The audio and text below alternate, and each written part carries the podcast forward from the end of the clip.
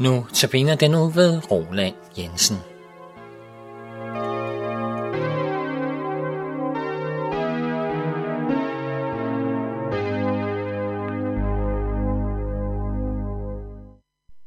I Matteus evangeliet 7, 24-27 fortæller Jesus lignelsen om den kloge mand, der bygger sit hus på klippen, og om tåben, der byggede sit hus på sand.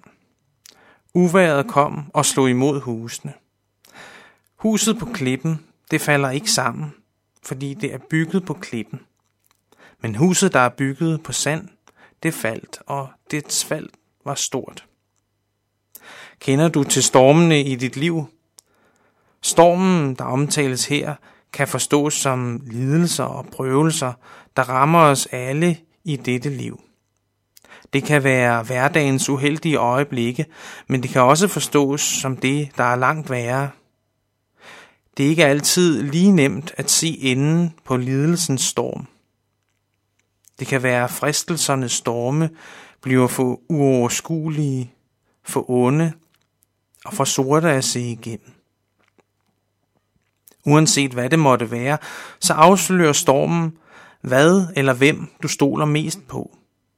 Ifølge Martin Luther er en Gud den, man venter sig alt godt af.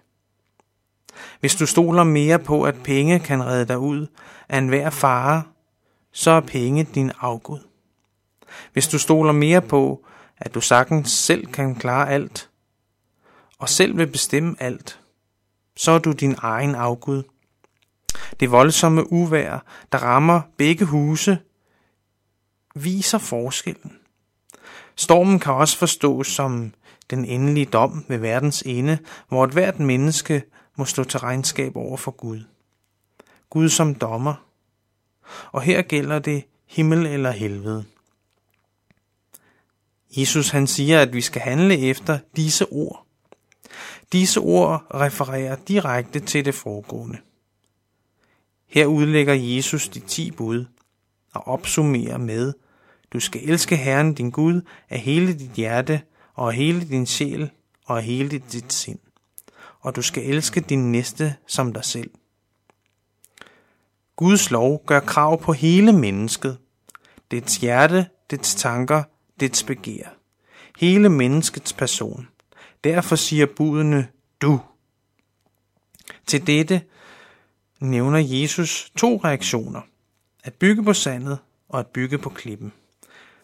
Den, der bygger på sandet, er en, der hører Jesu ord, men ikke handler efter dem. Man kan ligne en kristen i det ydre, men hvis kristendommen ikke bliver andet end inspirerende tanker og ord, intellektuel viden, hvis det ikke bliver til en levende tro, så er man som den, der bygger på sandet.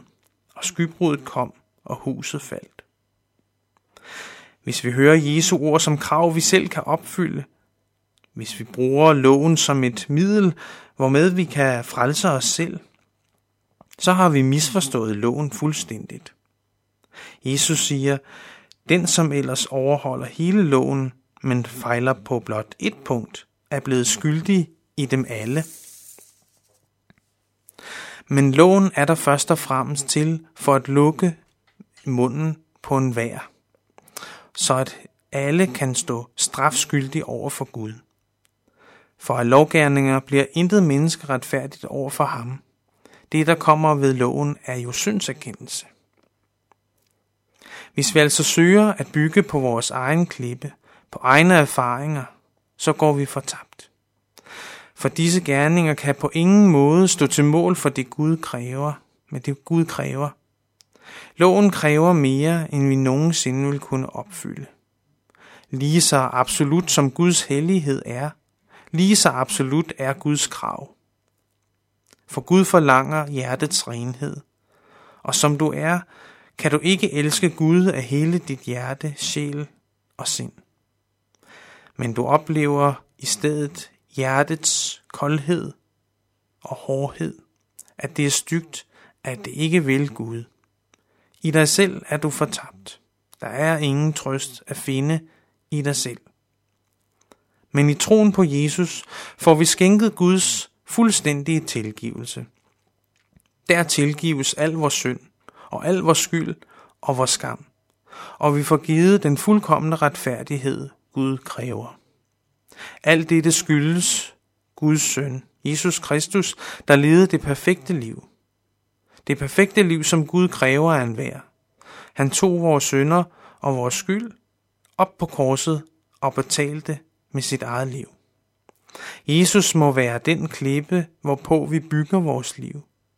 Når skybruddet kommer, og floderne stiger, og stormene suser, så må vi være forsikret om, at Jesus holder os fast, så vi ikke falder.